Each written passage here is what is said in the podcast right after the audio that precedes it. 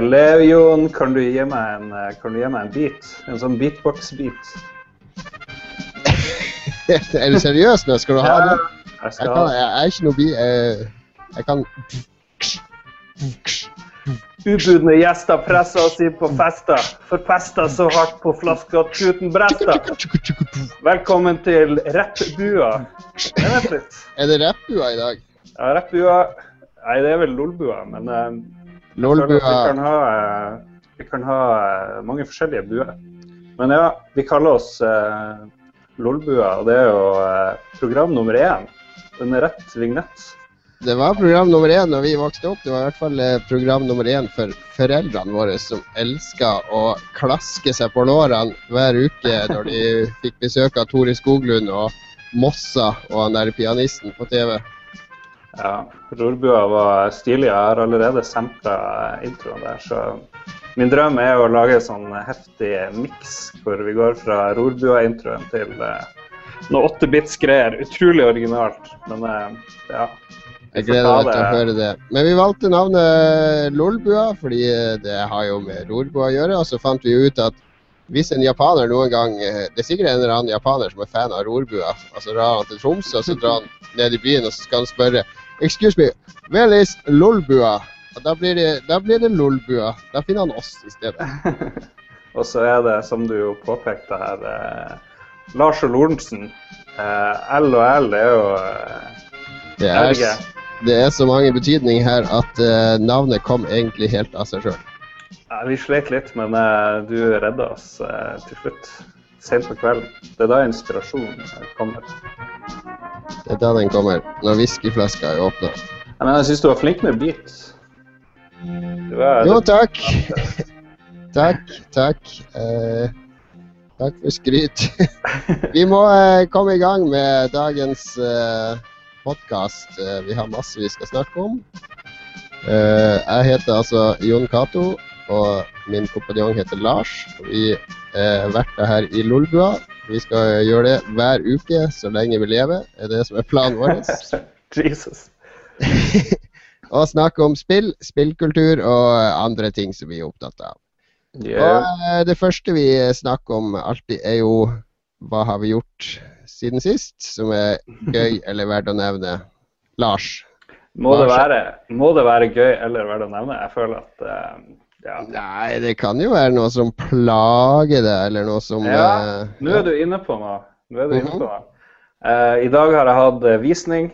Du ser her er kontoret slash gjesterommet shina opp. Uh, senga er ordna. Skulle Mhm. være visning. Har holdt på Mhm. i helga, holdt på i går. Stressa som bare juling for liksom at uh, utakknemlige folk tom for øl at folk skal få lyst til å kjøpe den. Og så kommer det farsken med ingen. Så eh, jeg er skuffa over Alta og Altas befolkning. Det er eh, ja, Kanskje de kommer når de vet at eh, Når du annonserer at det der Lolbua blir tatt opp. ja, Det er vel heller tvilsomme med visningen og herk. Jeg hadde, har hatt Jeg solgte en leilighet. Det tok fire måneder en gang, og der måtte vi ha visning sjøl. Men det er et godt triks det å steike eller bake boller på dagen. Eh, En, Ok. time, en time før visninga. Så tar du de ut av ovnen, og så bare pakker du de ned og tar de med deg. For når de kommer på visning da, da må du først få folk på visning, da. Det er jo det som er ditt problem. Når de da kommer på visning, så kjenner de lukta av nybakte boller. Ja. det, alle, alle forbinder lukta av nybakte boller med noe, noe deilig og fint. Så det, er, det er et uh, veterantriks for å selge leilighet. ja, det kunne vært eh, kaviar og champagne og gratis hore her, og det hadde ikke gjort noe, for det kom jo ingen. Så ja. Hurra, hurra for Alta, som eh, Ja, de kommer til slutt. De kommer når de må ha et sted å bo når vinteren kommer. det Men er, er, det, er det alt du har gjort? Pakka ned alle spillpromoene dine og alle filmpromoene dine og Ja, jeg sliter litt med å finne ut hva jeg skal gjøre på all driten jeg har samla opp i de seks årene jeg har bodd her. Det, jeg vet ikke, et par hundre, to-tre hundre Xbox-spill bare. Det vi pleier å gjøre her i Oslo, er i hvert fall å gi til veldedige formål sånn der eh, barneavdeling på sykehus og litt sånne ting. Ja, jo da, jeg må jo gi det bort. Jeg kan jo ikke ta vare på alt. Jeg sendte jo til og med en eske spill til Gaza-stripa en gang. What? Conflict Middle East og andre godbiter på Xbox. Var det Gaddafi som fikk tak i eh, spillene, tror du? Nei, ja, nei, det var de gutta i Spillmatic som hadde sånn innsamling til, eh, til barn i, i Gaza. Så det var fint formål, det. Ja. Nei, men eh, hvis vi, noen som følger oss på Twitter, har noen gode forslag til hva man skal gjøre med Ørten Eske med Det går jo tilbake til PlayStation 2 eh, også her, så det. Nei, det er et stort, stort issue. Og så er det jo Jeg har jo ikke lyst til å kaste noe som helst. Ja, Jeg vil jo bare beholde alt. ja nei, du får pakke og ta med deg all dritten. Det er når man flytter man opp, eh, oppdager hvor mye dritt man egentlig har tatt vare på. Ja. Jeg, jeg gikk til og med på eBay for å se om brukte promoer var verdt noe, bare sånn på gøy. Og det var det. er folk som selger. Jeg vet ikke hvorfor noen gidder å kjøpe det, men ja, ja. Det er samlere som skal ha alt. Ja, jeg har, eh, husker du vi var i eh, Barcelona på en sånn her Xbox-greie? Jeg husker det godt. Eh, og da fikk vi jo noe fotoapparat. Eh, Xbox-fotoapparat. Så vi for og tok noen bilder der. Så tenkte jeg da hele tida at hm, det her må jeg prøve å selge og si at det er ubrukt. Og så, eh, når de skal en gang fremkalle det og prøvde å ta et bilde av seg sjøl med det kule Xbox-kameraet, så plutselig vi der og bare Hello. Ja, nei, det jeg, jeg, husker ikke det, fordi jeg tar jo ikke imot sånne ting. Så det, Det var sånn råttent engangskamera. har du ikke den der eh, Xbox 360-faceplaten de delte ut på E3 samme året Xbox kom? Det var jo sånn nummerert 1 til Eh. 5000 eller et eller annet. Jeg tror vi fikk eh, faceplate i eh, Amsterdam òg, hvis jeg husker rett. Men ja. Ja, ja. Nei, men det, du finner sikkert et eller annet å gjøre med det. Du kan jo uh, kanskje dele ut uh, her på Lolbua til, til lyttere, hvis, mm. uh, hvis det faller deg inn. ja det, det er jo mye bra òg, men eh, jeg tenker nå er det en ny generasjon, nye muligheter. Eh, så det er egentlig eh, det jeg har gjort. eh, og har kasta masse emballasje til sånn her Commodore 64 jeg har kjøpt. Og jeg har to halvødelagte det, og en Amiga 1200. og NES har jeg liggende. Og så har jeg fått mine to nye Lynx. så ja. ja. Nei, pakking og, og Jeg er glad du eh, Hadde du bodd i Oslo, så skulle jeg komme og hjulpet deg å flytte. mm. Wow. Synd du bodde oppe i Alta. Ja, ja. Sjenerøst. Yes, nei, okay, jeg hadde, Ja, jeg hadde en, eh, hadde en, eh, jeg hadde en veldig hektisk uke, for jeg hadde sånn stor levering til et blad jeg skriver der jeg skal skrive om 60 gadgets. og det, det tar alltid lengre tid enn jeg tror, å samle bilder og tekster og ting og tang. Er det mye dritgadgets som egentlig ikke er så kult, tror du? Ja, De lager jo helt ekstremt mye gadgets, sånn som kamera og sånn kompaktkamera og sånn. Og speilrefleks, de gir, de gir jo ut tre-fire modeller i året, de her folkene. Og det er jo Mm. marginale forskjeller fra modell til modell, så at uh... Hva er den dårligste dingsen du har testa, da? Eh, Nei, jeg tester ikke alle 60. Her er det bare snakk om å få oh. nye produkter opp og frem. Det, det har en egen side der jeg har sånn tester, der er det heldigvis bare fem produkter. Men uh, Nei, uh, jeg vet ikke. Jeg, jeg, jeg fortrengte det aller meste. Men jeg hadde, hadde sånne kategorier, da. Så det, er sånn, det er seks dobbeltsider i det bladet. da, Så er det sånn kategori på hver. liksom Til stua, eller til bad og kjøkken. og til Men hvordan vet du om det er bra ding dingser, da? Det er jo bare vill gjetting. Nei, det er jo ikke anbefalinger. Det er jo bare en oversikt over nye ting som er kommet. Så mm. jeg, jeg disser jo ting like mye som jeg sier at det her ser kult ut. Det er jo det er bare hva slags nye produkter er kommet i høst, og Mm. ikke noe mer enn det.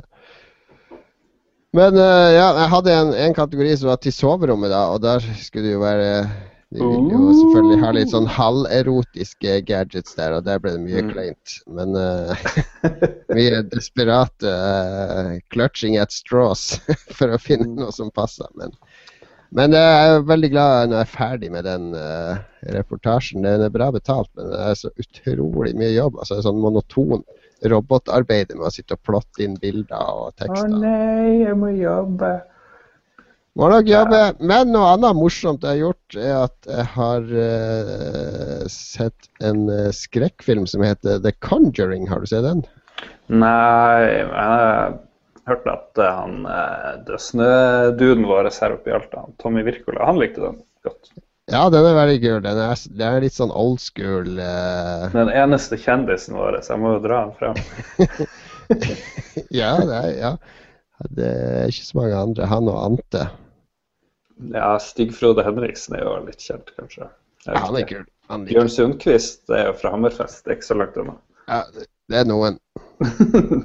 Ja, men det var, det var en kul film. Altså, jeg ser, uh, jeg ser ikke så mye film lenger. Og når jeg først skal se film, så jeg liker fortsatt skrekkfilm. Det har jeg likt helt siden jeg var tolv år.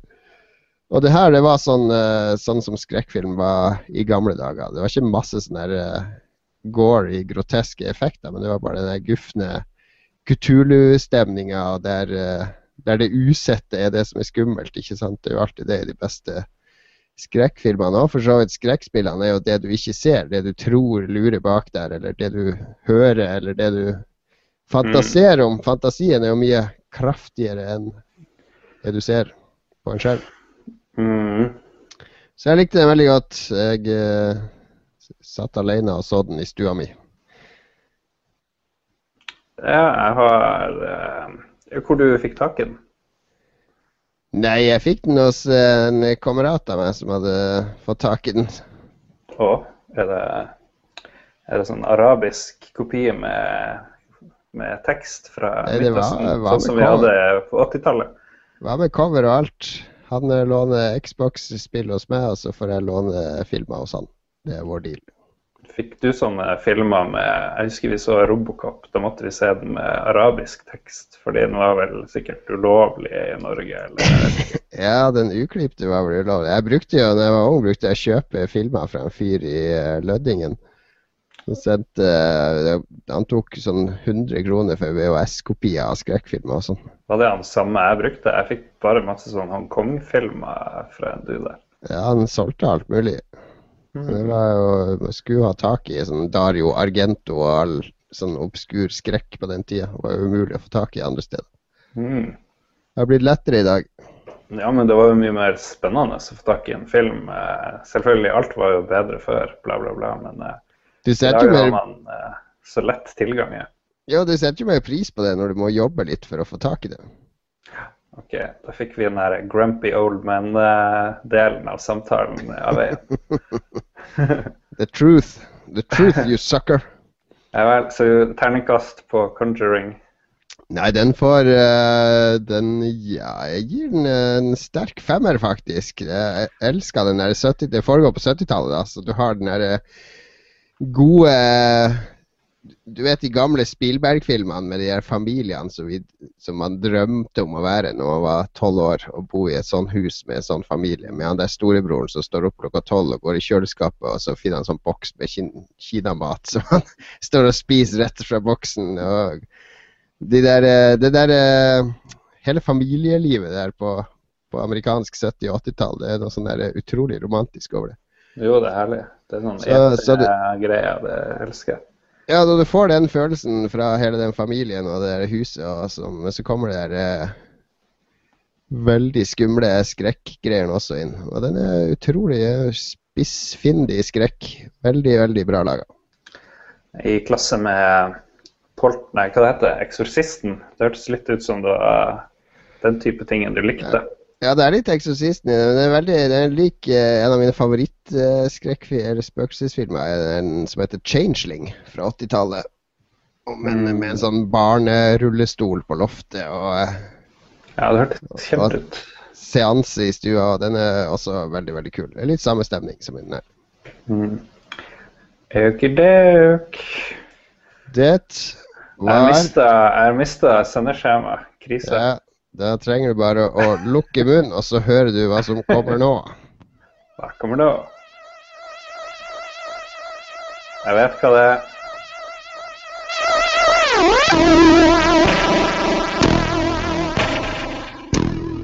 Det er på tide med spillnyheter, Lars. Ja um, Hva har skjedd siden sist?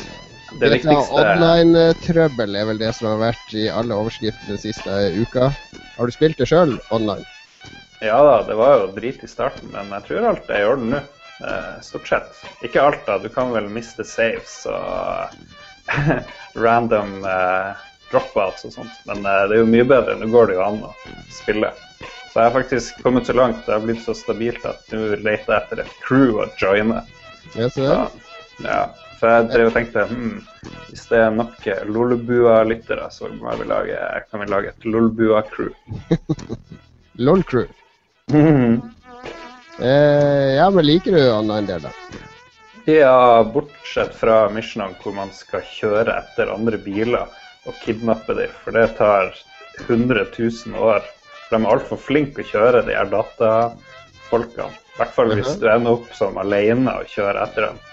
Så er det bare det er helt bortkasta. Jeg og en dude fra Oslo drev og skulle liksom fange hver vår bil i et mission, og vi holdt på sikkert i nesten en time, og bare til slutt bare ga vi opp. Det var totalt waste.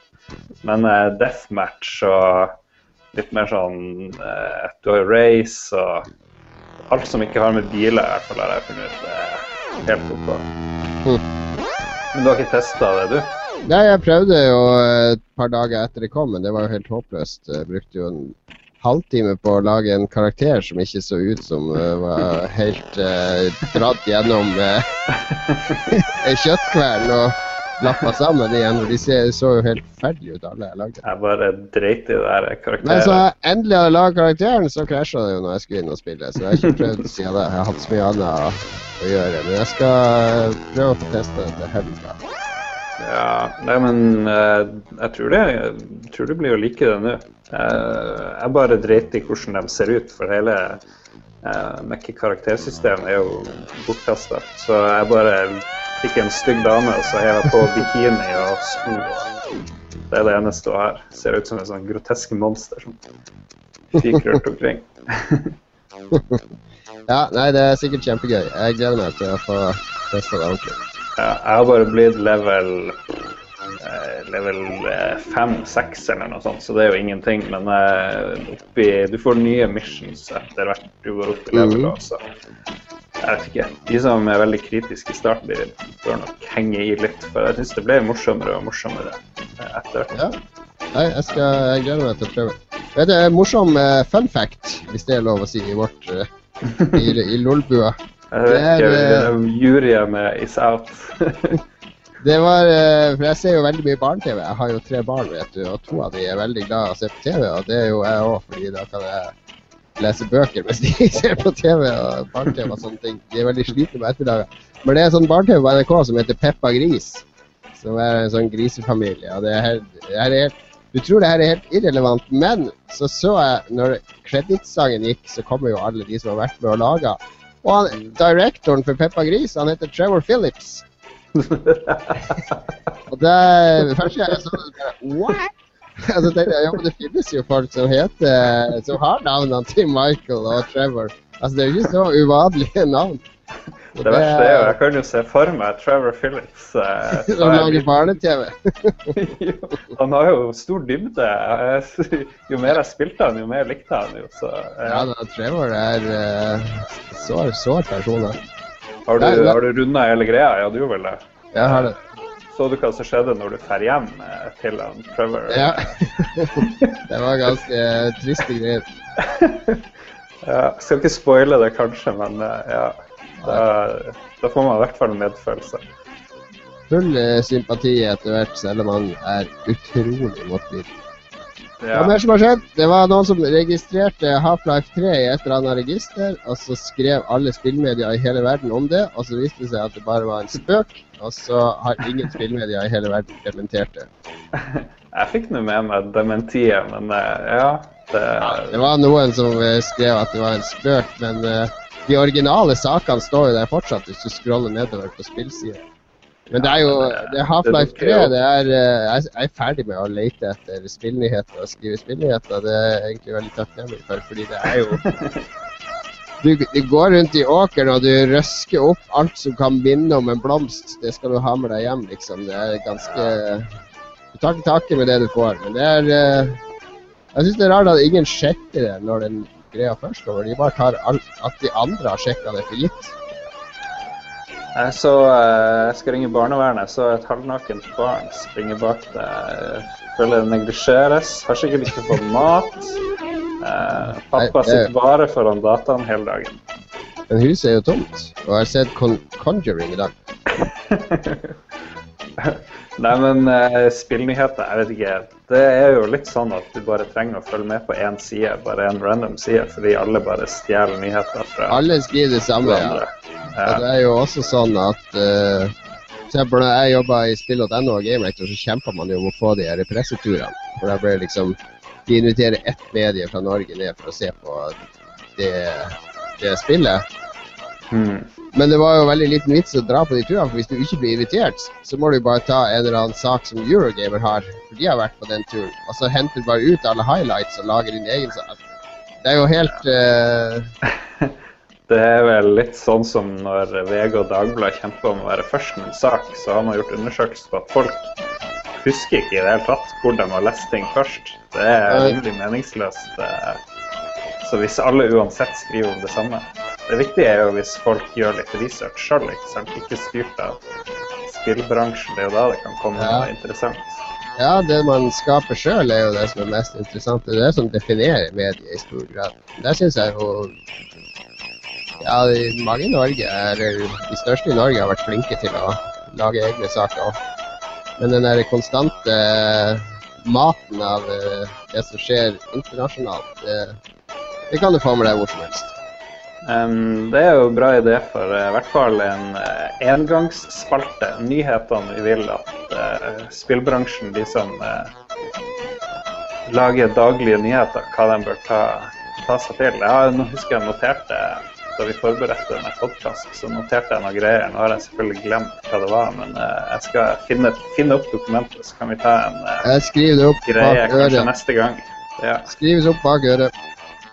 Yeah. Eh, men det viktigste som har skjedd denne uka, det er jo at eh, min kjære James Pond-kickstarter er avlyst. Oh, Det er jo kanskje ikke det store sjokket, men eh, jeg er i hvert fall skikkelig bitter. James Bond var fucking awesome. Uansett hva du sier. Men den, eh, de lover at den skal våkne opp igjen. det var en kul nok eh, Sonic-klone. Det var det. Yeah, yeah. Um, um, um. Altså det jeg tenkte på Hvis de kan lage Zelda Wind Waker eh, HD på seks måneder, hvilke andre spill kan man lage like fort? Ikke at jeg helt tror at det bare tok seks måneder, men det er nå det de sa, de spillskaperne. Så la oss gå ut fra at det er sant. Eh, er det virkelig så lett å lage remakes i HD? Nei, det er jo egentlig Egentlig så er det jo dritvanskelig, spesielt på PlayStation og sånn, fordi eh, eh, fra PlayStation 2 til PlayStation 3 må du lage veldig mye på nytt pga. arkitekturen, men jeg tror det er mye lettere å lage Altså, GameCube-spill funker jo på Wii, og Wii-spill funker jo på Wii U, så det er ganske Mm. synkron maskinvare, vil jeg tro, uten at jeg er noen ekspert på det. Eh, men jeg vet jo, jeg leste en artikkel i Edge en gang om eh, det er noen studio som bare jobber med å lage remakes av PS2-spill på PS3, og de brukte jo opptil et år på, på å få spillene til å funke. De er bare lat. Kanskje, kanskje. Men jeg vil ikke ha remakes. Jeg ser ikke poenget med remakes. Altså, uh, Windmaker ser jo fortsatt dritbra ut på GameCube, selv om det ser litt bedre ut på Wii U. Det ser jo dritmye bedre ut på uh, Wii U. Det er jo Du ser bra. Jo, men jeg vil jo heller at de seks månedene skulle blitt brukt på å lage et nytt Zelda-spill. Uh, ikke bruk tida på noe gammelt, lag noe nytt. Nei, men det tar jo har- syv år å lage et nytt Zelda-spill. ja, men folk sier ja, de vil ha en remake av Final Fantasy 7. Hvorfor vil du ikke ha Final Fantasy 15 i stedet? Altså, Fordi Du de får jo ikke Final Fantasy 15. Du kan, spille, du kan jo kjøpe og spille Final Fantasy 7 på Vitaen din eller på PlayStation 3. Ja, men det er boring. Har du prøvd å spille Final Fantasy 7 på Vita? Det er sur, drit og lukt. Ja, det er fordi spillet var ikke så bra som du husker det. Det blir ikke bedre av at du putter på ny grafikk. Det blir som å pakke inn male en bæsj med gullmaling. Det er fortsatt en bæsj, ikke sant? Jeg sier ikke at Final Fantasy var en bæsj, men gamle spill blir ofte dårligere fordi de baserer seg på uh, å være fotorealistisk. Og det som var fotorealistisk for ti år siden, er jo ikke det i dag. Jon Cato Lorentzen med bæsjfetisj confirmed, sier jeg bare. Ja, men greia med Windwaker er Windwaker så dritbra ut for ti år siden. Det ser dritbra ut i dag. Og det kommer til å se dritbra ut om 20 år òg. Mens GTA 5 det kommer til å se crap ut om 20 år. Fordi. Windwaker har en tidløs uh, grafisk stil som ikke blir eldre. Jo da, jeg er enig. Og det er derfor også de 2D-pikselspillene holder seg i dag, fordi de har en egen identitet i grafikken sin.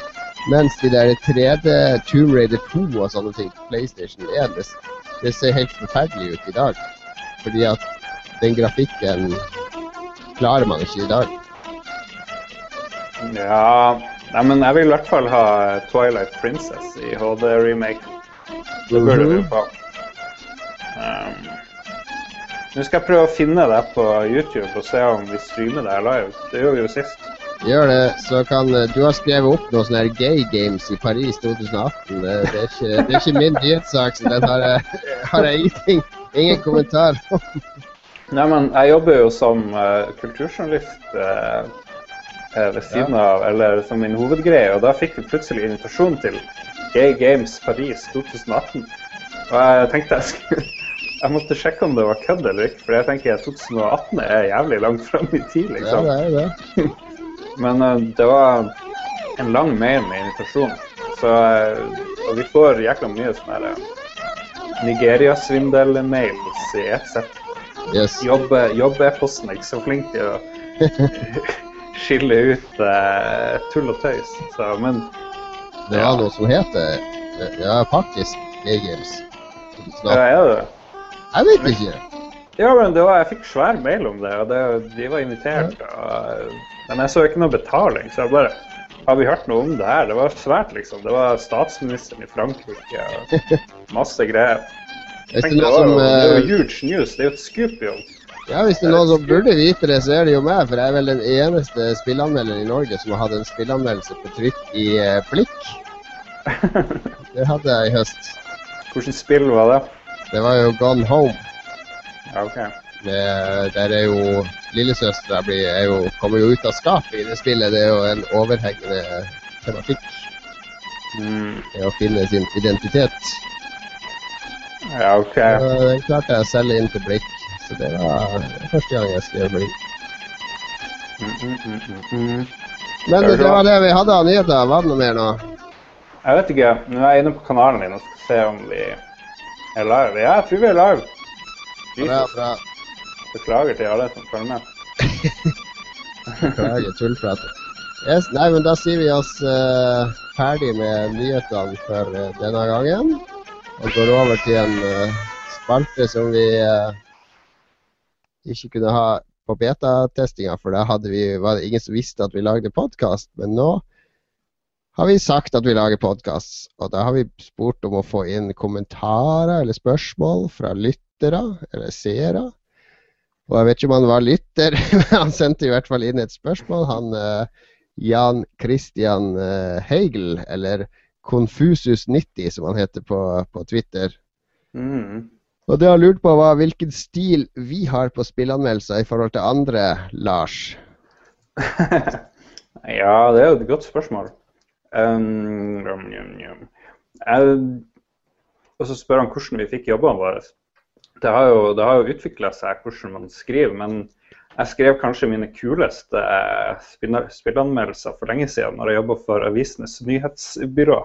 Mhm. Fordi eh, Der var det en sånn nyhetsredaktør som var utrolig nazi på at det skulle ikke være en eneste tom setning i, eh, i det jeg sendte inn, for de sendte det ut til Ja. 18 aviser rundt omkring i, i Norge. Så da var jeg ganske on the ball.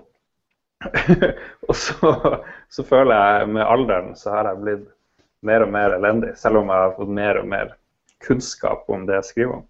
Og da var, da var jeg veldig opptatt av at det skulle gå rett. Man skulle liksom, fordi da sendte jeg ut anmeldelser til, som ble lest folk som ikke interesserte seg for spill.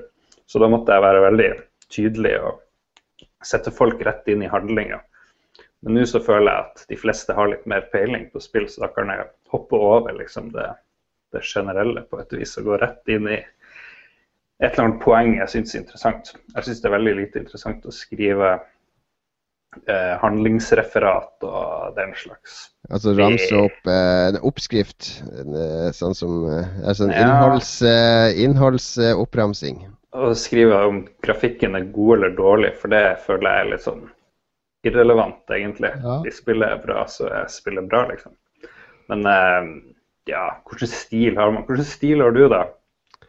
Jeg har jo flere ulike stiler, for jeg skriver for såpass mange ulike medier. Men den der jeg føler meg uh, mest som meg sjøl, er vel når jeg skriver for Aftenposten. Fordi mm. da, da, de vil ha uh, kulturkritikk, og det er jo det jeg prøver å gjøre det til òg. Altså sette uh, spillet eller opplevelsen i en større kontekst. Ikke bare snakke om det som et isolert underholdningsprodukt, og snakke om det tekniske og gi en eller annen slags uh, objektiv, skråstrek subjektiv vurdering på hvordan alt det tekniske fungerer sammen, som jo er 90% av spillanmeldelser. Men der går jeg heller rett til kjernen og spør hva betyr det her, eller hva gjør det med meg, eller hvordan beriker det spillet her livet mitt. Og det er ikke så lett. altså mange, Veldig mange spill er jo altså Fifa eller et racingspill eller noe sånt, det, det handler det jo mer om mekanikker og muligheter enn budskap og, mm. og sånne ting. Men f.eks. GTA 5, der skrev jeg jo kun om eh, eh, mannskrisa og min tolking av disse mannlige hovedpersonene og den verden de var satt til. Jeg fikk jo noen kommentarer på det at eh, jeg hadde jo skrevet altfor lite om spillet. Men så tenker jeg altså det, det her er jo på internett. Altså, du finner jo 100 andre anmeldelser som ramser opp alle mm. aktiviteter du kan gjøre, biler, hvordan alt mulig fungerer. ikke sant? Så det må jo være, det må være rom for noen anmeldelser som prøver å tolke i stedet for å bare formidle. Ja, jo da, Du har et poeng med at det finnes så sinnssykt mange anmeldelser. og Folk som spiller i dag, er jo veldig flinke i engelsk og kan gå og lese på svenske eller danske eller eh, tidvis sikkert tyske og franske nettsider hvis de vil. Så det finnes jo 300 000 anmeldelser til hvert eneste spill. Mm. Og litt av poenget må jo være å bringe noe av deg sjøl. Og da er det jo yeah. noen som sier man skal være objektiv når man anmelder ting. Og det Jeg vet ikke om vi kanskje har lagt den debatten død, men, eh, men det er jo gørr å være objektiv. Det er gøy å være objektiv. Og så, og så, tror jeg også at mange leser mine anmeldelser fordi at de vil uh, høre uh, mitt synspunkt, og også kanskje Altså, jeg, jeg, likte, jeg, liker veldig godt å lese anmeldelser, godtskrevne anmeldelser som uh, har en helt annen mening om spillet enn jeg har, fordi da får jeg et annet synspunkt på spillet. Og Hvis en anmeldelse kan berike mitt syn på et spill, så er jo det kjempebra. ikke sant? Mm. Så ja. Vi har, vi har, jo holdt på i mange år, og det her kommer vel med åra nå, det, at man jakter på mer substans i det man gjør, og ikke bare vil eh, eh, dissekere produktene og presentere de, eh, sånn som man gjorde i anmeldelser før. Men så mm. har jeg jo også outlets der jeg får gjøre får anledning til det, så det er jeg veldig takknemlig for. Men åssen fikk vi jobbene våre? Altså For min del så uh, jeg jobba på uh, Akersmik når jeg begynte å skrive jeg skrev, første spillanmeldelsen jeg skrev, var på Usenet. På, på, en nyhetsgruppe, som det het på 90-tallet. Det skrev jeg bare helt gratis, bare fordi jeg hadde noe å fortelle om Full Throttle, som var det spillet jeg skrev om. Det er jo en veldig bra måte å begynne på, da, hvis noen Ja, og spesielt da, for da var, jo, da var jo internett nytt og ferskt, og det fantes jo omtrent ikke spillsider, men det var en side i England som heter Games Domain, som da spurte om jeg ville skrive for de basert på den anmeldelsen, og så fikk jeg tilsendt spill fra de. Og så balla det bare på seg etter hvert. Jeg kom inn i et spillblad som heter Kontroll i Norge, og så fikk jeg jobb i et sånt bransjeblad som redaktør. Men hemmeligheten ved å, å, å kunne leve av det fant jeg ut, det var jo bare å levere når du skal. Fordi, fordi som frilanser, nå er jeg fulltids frilanser og jeg har hatt masse faste jobber, men jeg har alltid hatt masse frilansarbeid ekstra. Og som frilanser Mm. så Oppdragsgiveren, det første han er ute etter, det er at du leverer når du skal. Det, Mm. det andre på lista det er at du skriver bra. Så hvis, hvis du oppfyller det første og skriver OK, så får du jobb. Ja. Jo da, det 90% av folk som har skrevet for meg, frilansere og sånne ting, de leverer for seint. Så må du mase på dem, og så må du mase på dem, og så må du mase på dem, og så må du få teksten, og så må du jobbe en masse masse med teksten for å berge den fordi den ikke er bra nok skrevet. Og da får du ikke nye oppdrag. Så hvis du klarer å levere det du skal, når du skal, så har du, så har du egentlig en jobb eh, eh, som frilanser. Mm. Men hvis du vil bli en bra spillanmelder, så må du også Altså hvis du klarer å levere over gjennomsnittet bra, så, så kan du komme deg langt. Men det handler masse om flaks og kontakter og nettverk og alt det tullet der. Mm. Det, det er et godt poeng det der med å levere i tide. For det, hvis folk svikter deg én gang, så stoler du jo ikke på dem igjen, egentlig. Det er det som er greia. Og uh, hvis du sjøl har en deadline du må nå, så er det en jævlig dårlig, dårlig ting å gjøre. Så, men ja, jeg vet ikke. Jeg er jo veldig glad i folk som er flinke å skrive. Jeg bruker jo flere fri, frilansere i den avisa hvor jeg jobber mm. fast i. Og, og plutselig så dukker det opp folk som nesten aldri har skrevet før, som er bare kjempegode eh, ut av det blå. Ja, Og det er kanskje Og det vet jeg ikke om personen sjøl visste om før de hadde prøvd. Så hvis det er noen der ute som, som lurer på det, så er det bare å prøve seg. Men for min del så var jeg ganske dårlig å skrive i starten. Var mm. rimelig ræva. Men det er som det er som å snekre et hus, og, eller være snekker, føler jeg, å være eh, skrivende. Du blir bedre og Mhm. bedre og får flere og flere verktøy i, i boksen. Visdomsord fra alt av det der. og hvordan jeg fikk min jobb, det var helt tilfeldig. Det var, jeg hadde skrevet én spilleanmeldelse i Norge, og så fikk avisa jeg jobba i 2000, nei, 1990 noe. 1999? 2000? Ja, Mm. rundt der. da, Om noen ville ta over som spilleanmelder for noe som heter Avisenes nyhetsbyrå. Så da bare prøvde jeg meg, så fikk jeg den, og så balla det på seg. Det er sånn det skjer. Men uh, det handler om å stå på. Og hvis du er ny og fersk og ung og tenåring i dag og drømmer om å leve av å skrive spillanmeldelser eller lage spillanmeldelser, så sats på eh, video. Lær deg å lage ting på nettet. Altså de store, nye spillanmelderne som kommer opp og frem nå, de kommer via YouTube. Det er de som lager Mm. de kule Let's Play-videoene, og de som eh, Ja. har en unik stemme på YouTube, og der folk lærer om spill via de. Det, det er veldig mange jeg, jeg hører fra som liksom har lest spillblad på 90-tallet, og det er fortsatt deres drøm å skrive for et spillblad. Få anmeldelsen på trykk.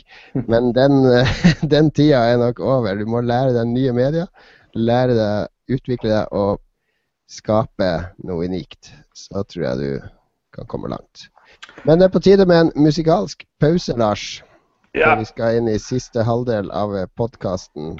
Vi må fylle opp på um, uh, rusbrus. Jeg må fylle whiskyglasset mitt. Eh, jeg har valgt ut en uh, lekker uh, liten remix av Links Awakening fra DJ Cutman, som har gitt ut en EP som heter Mjau Mjau og Bow Wow. Uh, den kom nå i høst. Veldig flotte Selda-sanger. Så vi kjører fem minutter Selda-musikk, og så er vi tilbake og prater mer prat.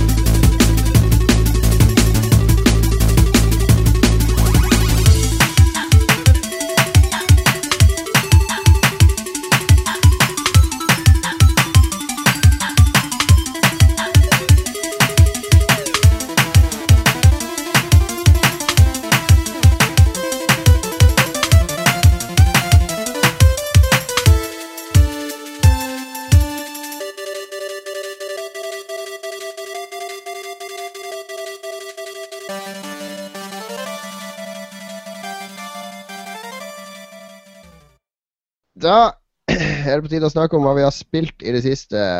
Uh, ja, men jeg lurte på en ting. Ja. Når skal vi ha gjester? neste program. Neste program, har vi Ja. noe klart? Har du Vi booket? uh, ja, jeg har, har en som jeg håper kommer, så vi tar det på kammerset. Hvis han ikke kommer, så Kammerset? Det er jo gøyere å ha det utafor kammerset. Jeg har ikke spurt han ennå, så jeg må jo spørre han sjøl før. Jeg ser Rune sa VG-Rune VG-Rune er nok har nok meldt seg frivillig allerede. Ja, han er, er nok med en gang, men han sparer vi til litt senere i høst. Han sparer vi. Skal vi, OK. Og så, ja eh, Vår venn Knut har allerede sagt nei. Eh, nei, ikke Knut, jeg mener Tore. Eh, Tore, ja, har ja. sagt nei, men det er bare å drite i. Han, eh, han skal være med. Han eh, Tore hadde jo blitt vår Carl Pilkington hvis han var med, så oh. Vi- vi skal marinere han videre. Men nå blir det veldig internt der, eh, Lars. Men det er jo Folk skal liksom bli kjent med våre venner etter hvert her, føler jeg. Ja, da, Det det, er jo en del av greia. de skal få anledning til det. Ja. Men det blir, vi satser på en gjest, uh, minst én gjest neste gang. Vi har plass til to gjester òg, men uh, minst én gjest. Kjenner du noen strippere? Jeg vet at Howard Stern er heftig på strippere og pornostjerner. Det er jeg litt interessert i.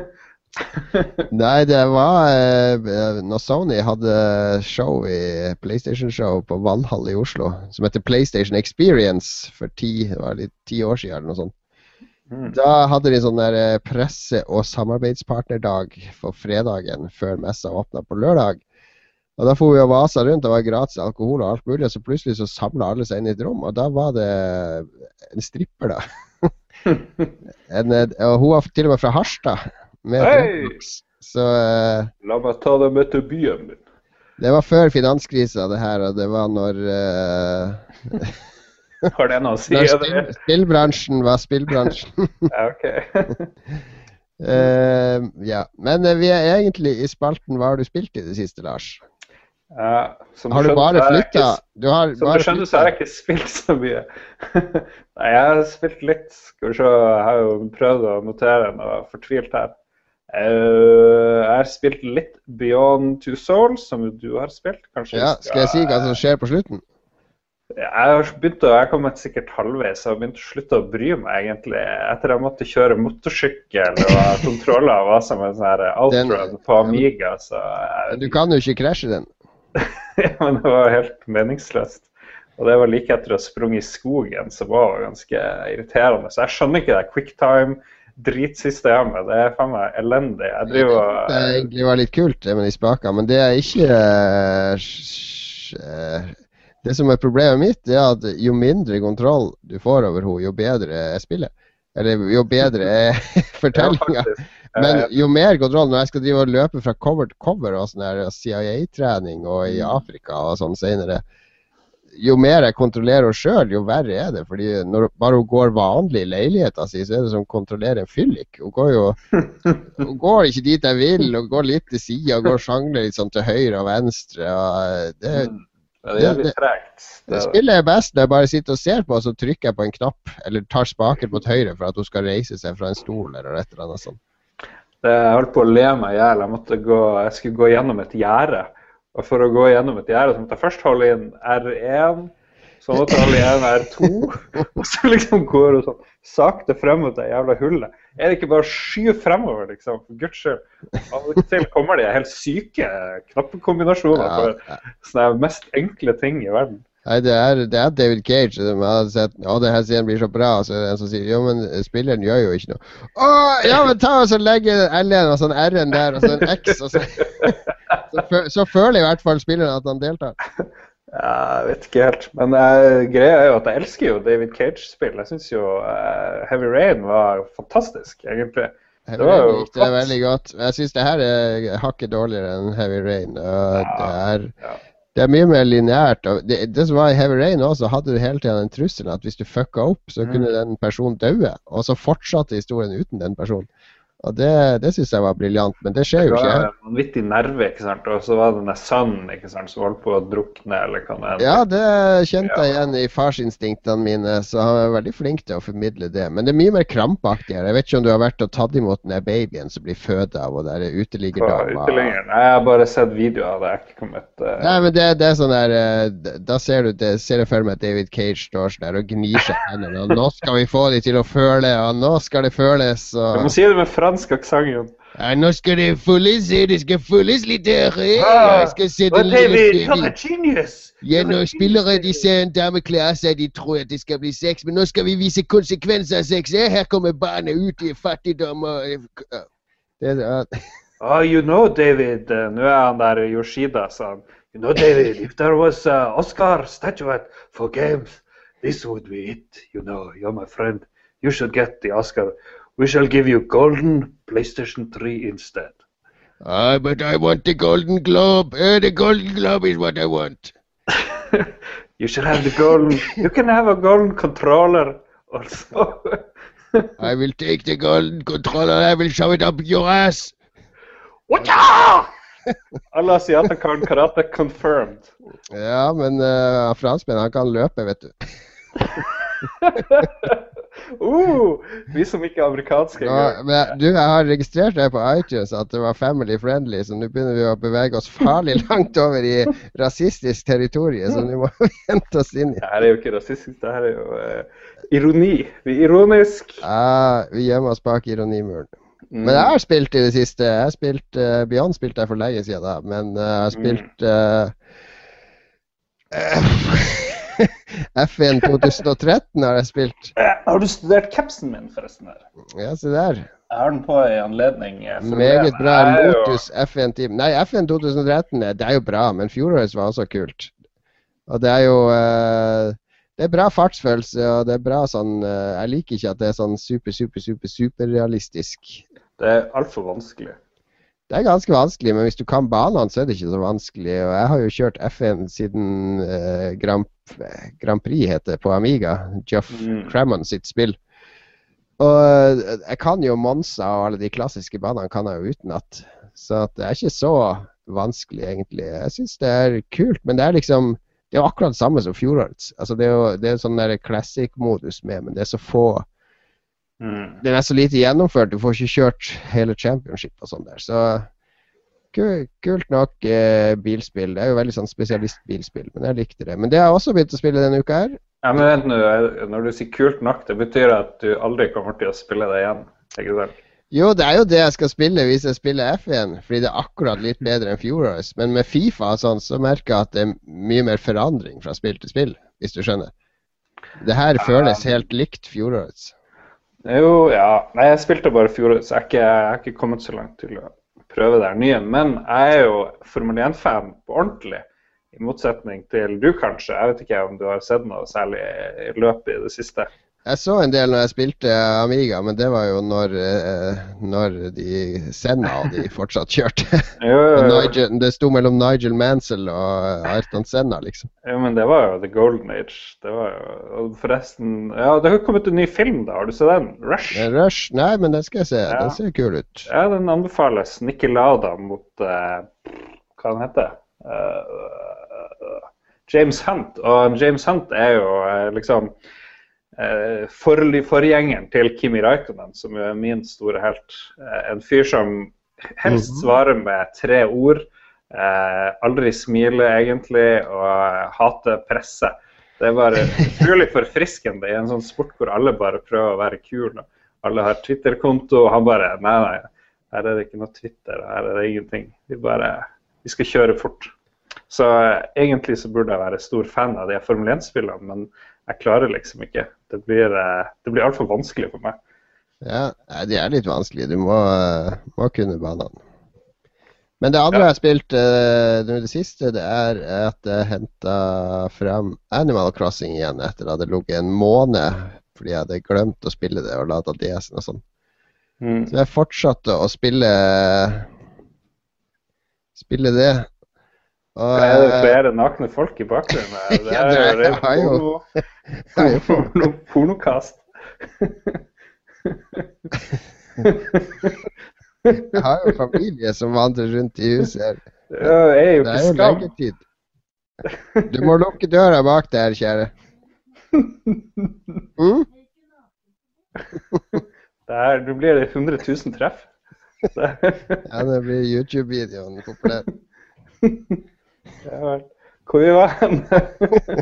Nei, vi var på Animal Crossing, men uh, ja, nei, jeg begynte å spille det igjen.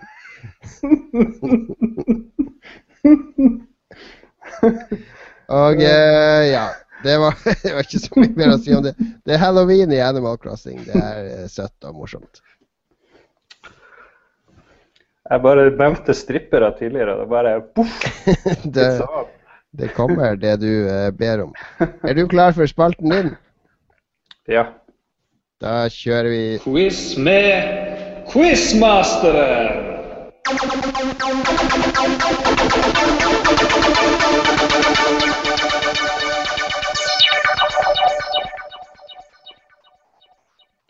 All right. Skal jeg finne uh, spørsmålsdokumentet som jeg har forberedt? Der. Meget spent. Var det fem av fem jeg hadde sist?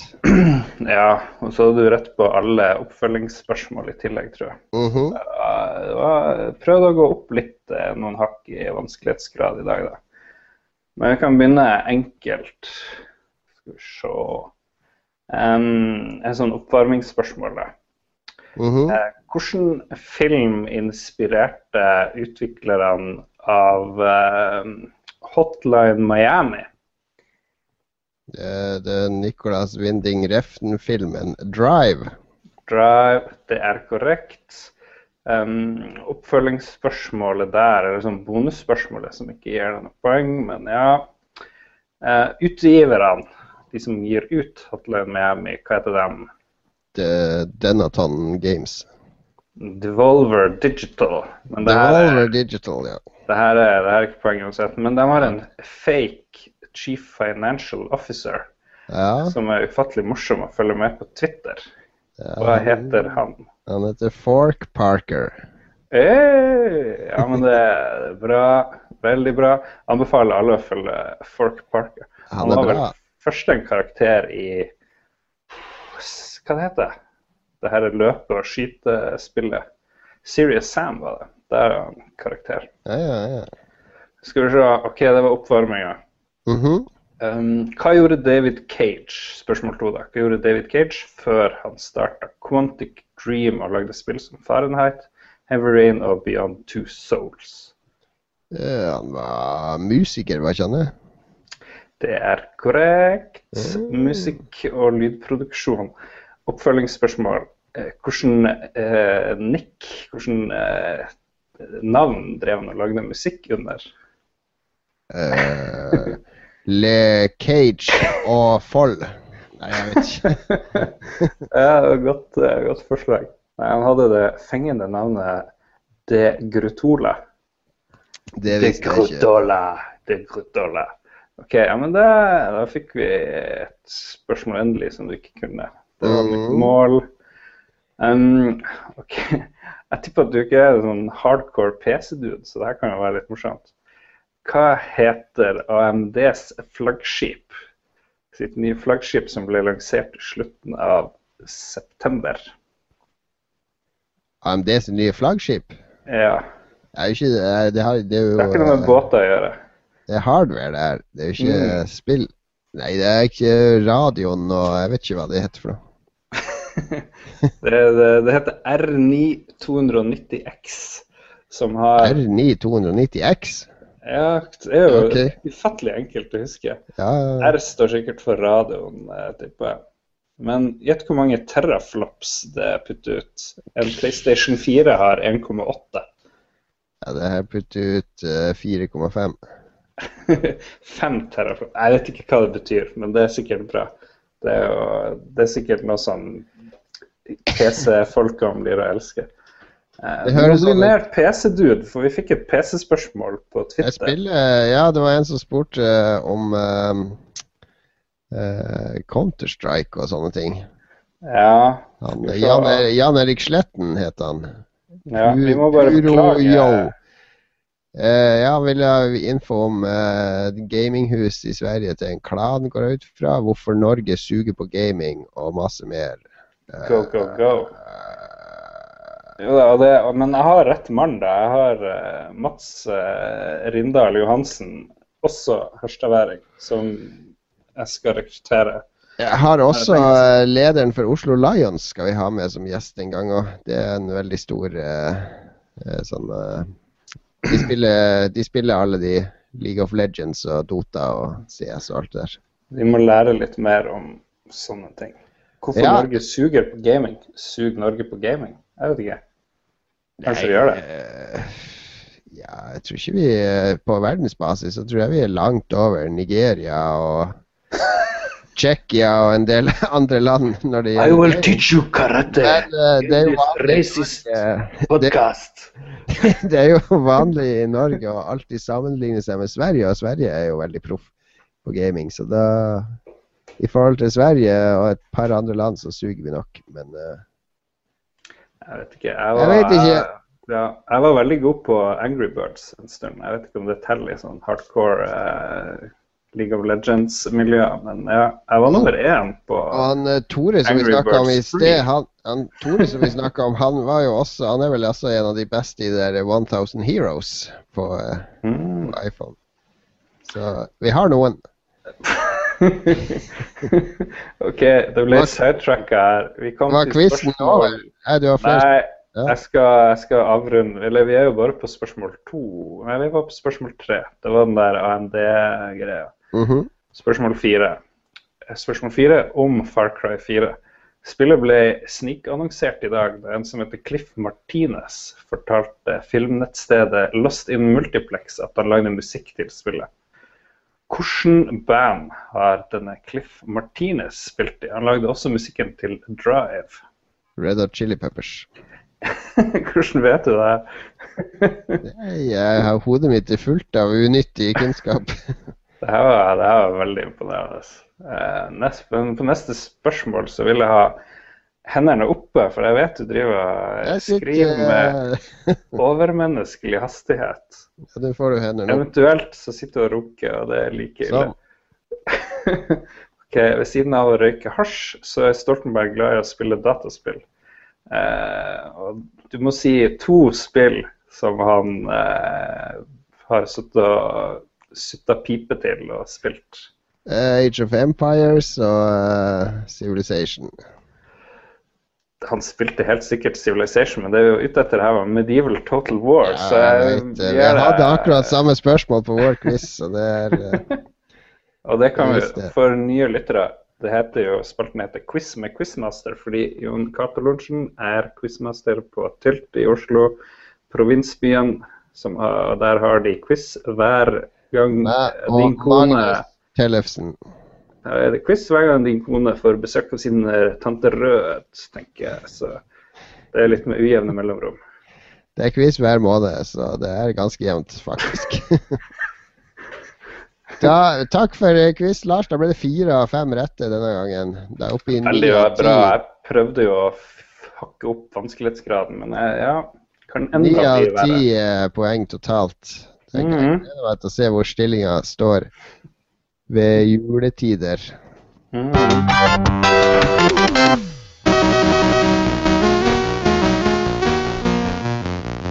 Vi hopper rett over i retrospalten. Retrospalten, ja. Forrige gang så hadde jeg sett på eh, Moonstone, og nå er det din tur. Hva Det er er det nå du har prøvd? Det hører du vel. Nei, egentlig ikke. De vakre tonene i bakgrunnen det er en 30 sekunder lang loop, så den skal vi bli lei av. Men den er fra Ja. spillet Hercules på Commodore 64. Jeg googler Hercules. Ja, Du må ikke ta det der eh, Hercules en eller annen undertittel. Det heter bare Hercules. Det, var, det er et ganske gammelt Commodore 64-spill. Det kom i starten av Commodore 64-syklusen med litt eh, råtten grafikk. Men det handler jo da om uh, Hercules, denne romerske helten da. Han var egentlig gresk, der het han Herakles, men i Roma så het han Hercules. Og som gikk gjennom tolv sånne styrkeprøvelser. Mm. og kjempa mot uh, masse sånne fabelmonster. Og skulle finne sånne ulike ting. Og Det er det, litt dårlig grafikk, jeg ser jeg. ja, det er veldig dårlig grafikk. Men i det her spillet så eh, skulle Så skal du da Du skal gjøre disse tolv oppgavene. Og det er et todimensjonalt plattformspill. Men det som var så unikt med det, det var at eh, hver gang du starter spillet, har du tre liv, og så får du bare ett av de random På et random brett av de tolv. Og så blir du kasta rett ut i det. Og de første gang du spiller det, så har du sånn gjennomsnittlig levetid på tre sekunder, kanskje. Fordi det første som skjer, det er at det er sånn tone sier dung, dung, dung, dung, dung, og så begynner bakken under deg å brenne. Så du må komme deg bort fra startlast med en gang. Og der er fullt av plattformer og monstre og sånne ting, så du må finne en rute til exiten. Og problemet her er jo at plattformer de forsvinner, så du detter ned i avgrunn og dør. Eller plattformer så du lander på tar fyr, eller tau, bare ryker. Det er feller overalt. og Det er bare én rute gjennom brettet. Så i stor grad så er det prøving og feiling som leder deg til exiten. Og i og med at spillet slenger deg inn på et random-brett hver gang du starter det, så kan du heller ikke drive og pugge og øve deg på det enkeltbrettet helt til du kan det. Mm. Ja, ok. Du må umiddelbart tilpasse deg det brettet du blir kasta inn på, og huske åssen det brettet var. Og det gjorde det utrolig utilgivelig. sånn at de første timene vi spilte det, det var jeg og en som heter Gunnar i Harstad som brukte mye tid på det. Så vi syntes jo det var et forferdelig spill, så vi spilte det jo bare på trass i å, fordi det var så dårlig. Men så da vi begynte å lære oss ruten, og sånn, så ble vi helt hekta. da. Fordi da var det utrolig tilfredsstillelse i å gå den ruta perfekt. Og, eh, og det, det er tolv sånne prøvelser, tolv brett. Og når du klarer det første brettet i en av de tolv, så er det to nye brett bak hvert brett. Så det å faktisk klare hele spillet, det var Jeg har aldri vært i nærheten av det. Jeg har klart tror jeg, to av de prøvelsene. To av de tolv prøvelsene. Mm. Men det er, eh, det er en sånn påminnelse. Jeg fant det fram nå fordi eh, det minner meg veldig mye om noe som har gått tapt, på en måte. Altså spill som er utilgivelig helt i begynnelsen. Fordi du, du, det fins jo ingen spill i dag der Bitter gammel mann-alert. Nei, det finnes jo ingen spill i dag der du eh, eh, liksom blir kasta rett ut i det, og det er så nådeløst, og det dreper deg konstant. Spelunky. Ja, Spelunky er litt sånn, men eh, Jeg ble minnet på det da du snakka om det. ja, det er kanskje noe av det nærmeste du kommer. Men Spelunky er også sånn at du kan finne sånne små trygge gleder der. Mens i Hercules er det sånn du dør umiddelbart. Altså det, det er ingen Det er så mye døing den første timen at du, du må virkelig komme deg over en terskel før du begynner å sette pris på det. Ja, jo. Nei, men det er for så vidt eh, enig i ditt poeng. Men eh, samtidig så putter jeg jo alle spill på easy etter hvert når jeg skal anmelde ting. Jeg gidder liksom ikke å gjør det, ja? vite altfor mye om et spill. Ja, farsken heller. Livet er for kort til å sitte og gnukke på hard, i hvert fall, til å, å prøve å samle 100 og få sånne platinum trophies. Jeg har ikke ett platinum trophy, jeg kommer aldri til å få det heller. Ja, det kan hende. Men det interessante også som jeg gjorde med Hercules, og som vi kanskje skal prøve å gjøre til en fast greie i retrospalten vår, var at jeg viste spillet, eller jeg ga kontrolleren viste spillet til min tolv år gamle sønn Thomas. Fordi det er én ting med meg som har sånne nostalgiske minner fra jeg lå på stua til stuegulvet til Gunnar Brun og med joysticken i hånda. Vi spilte det en hel sommer i Harstad. Mm. Det er noe annet å vise en tolvåring i dag som er oppfostra på eh, Angry Birds og Minecraft. Et såpass gammelt spill, så jeg viste det til han, og så spurte han etterpå hva han syns, og sånn her gikk det. Sånn her gikk det.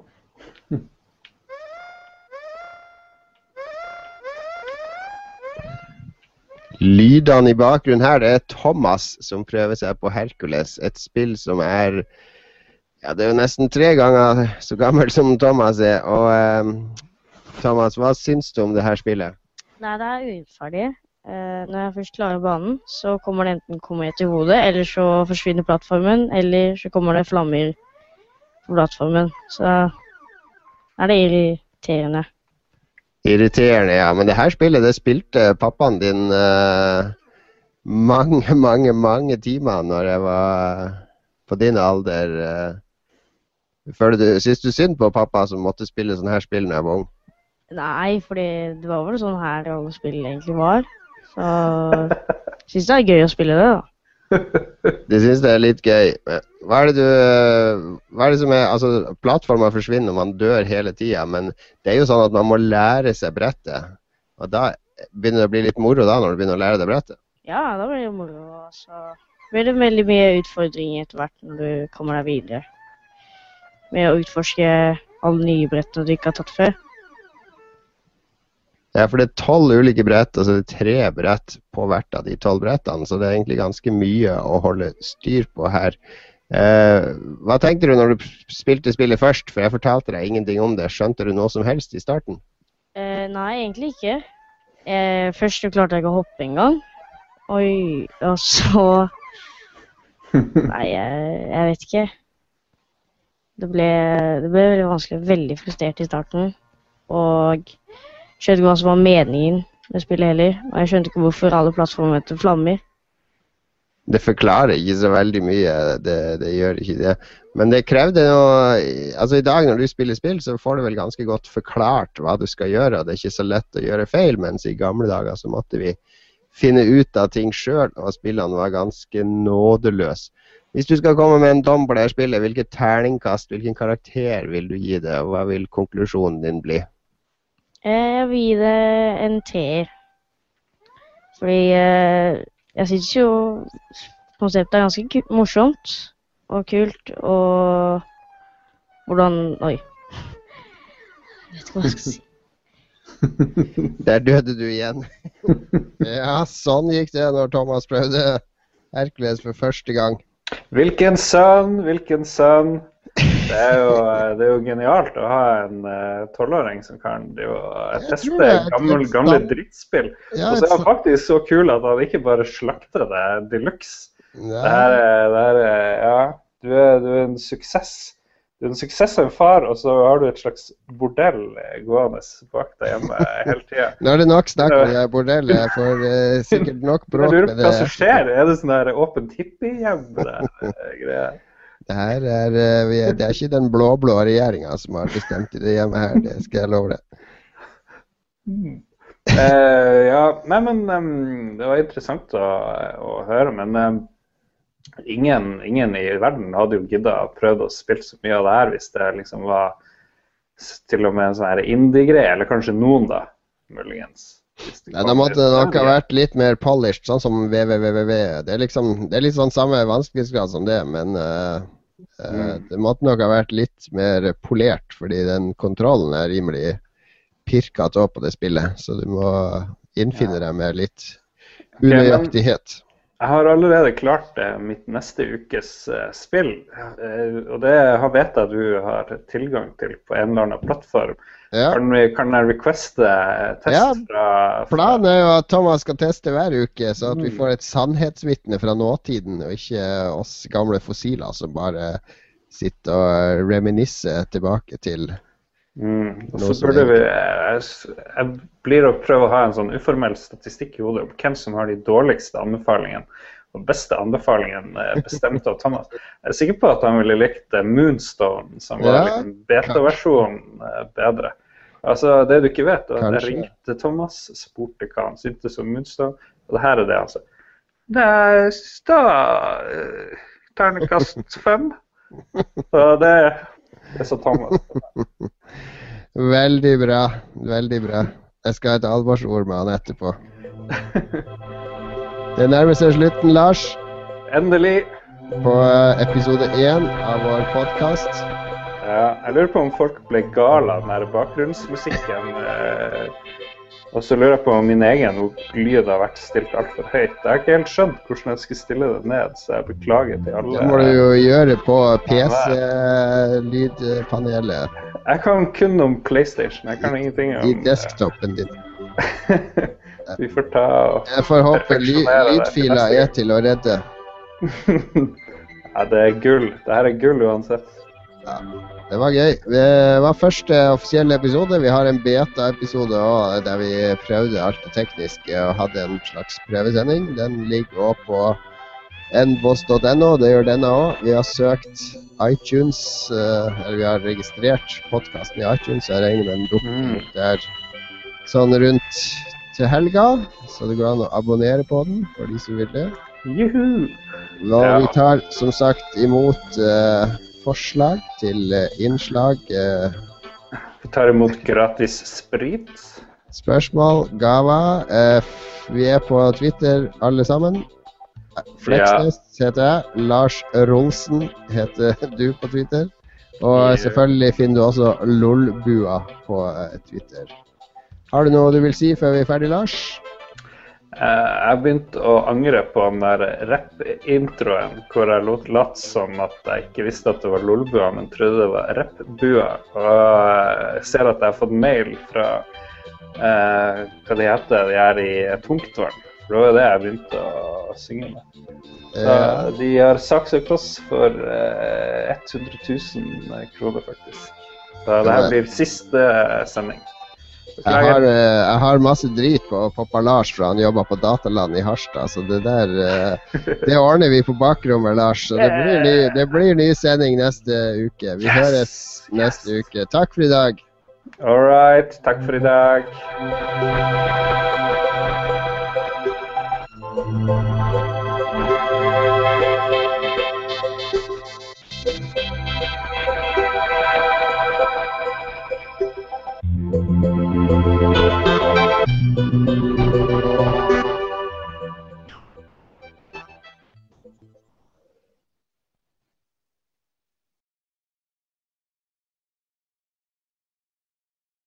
Har du et enkeltpersonforetak eller en liten bedrift? Da er du sikkert lei av å høre meg snakke om hvor enkelt det er med kvitteringer og bilag i fiken, så vi eh, gir oss her, vi. Fordi vi liker enkelt. Fiken superenkelt regnskap.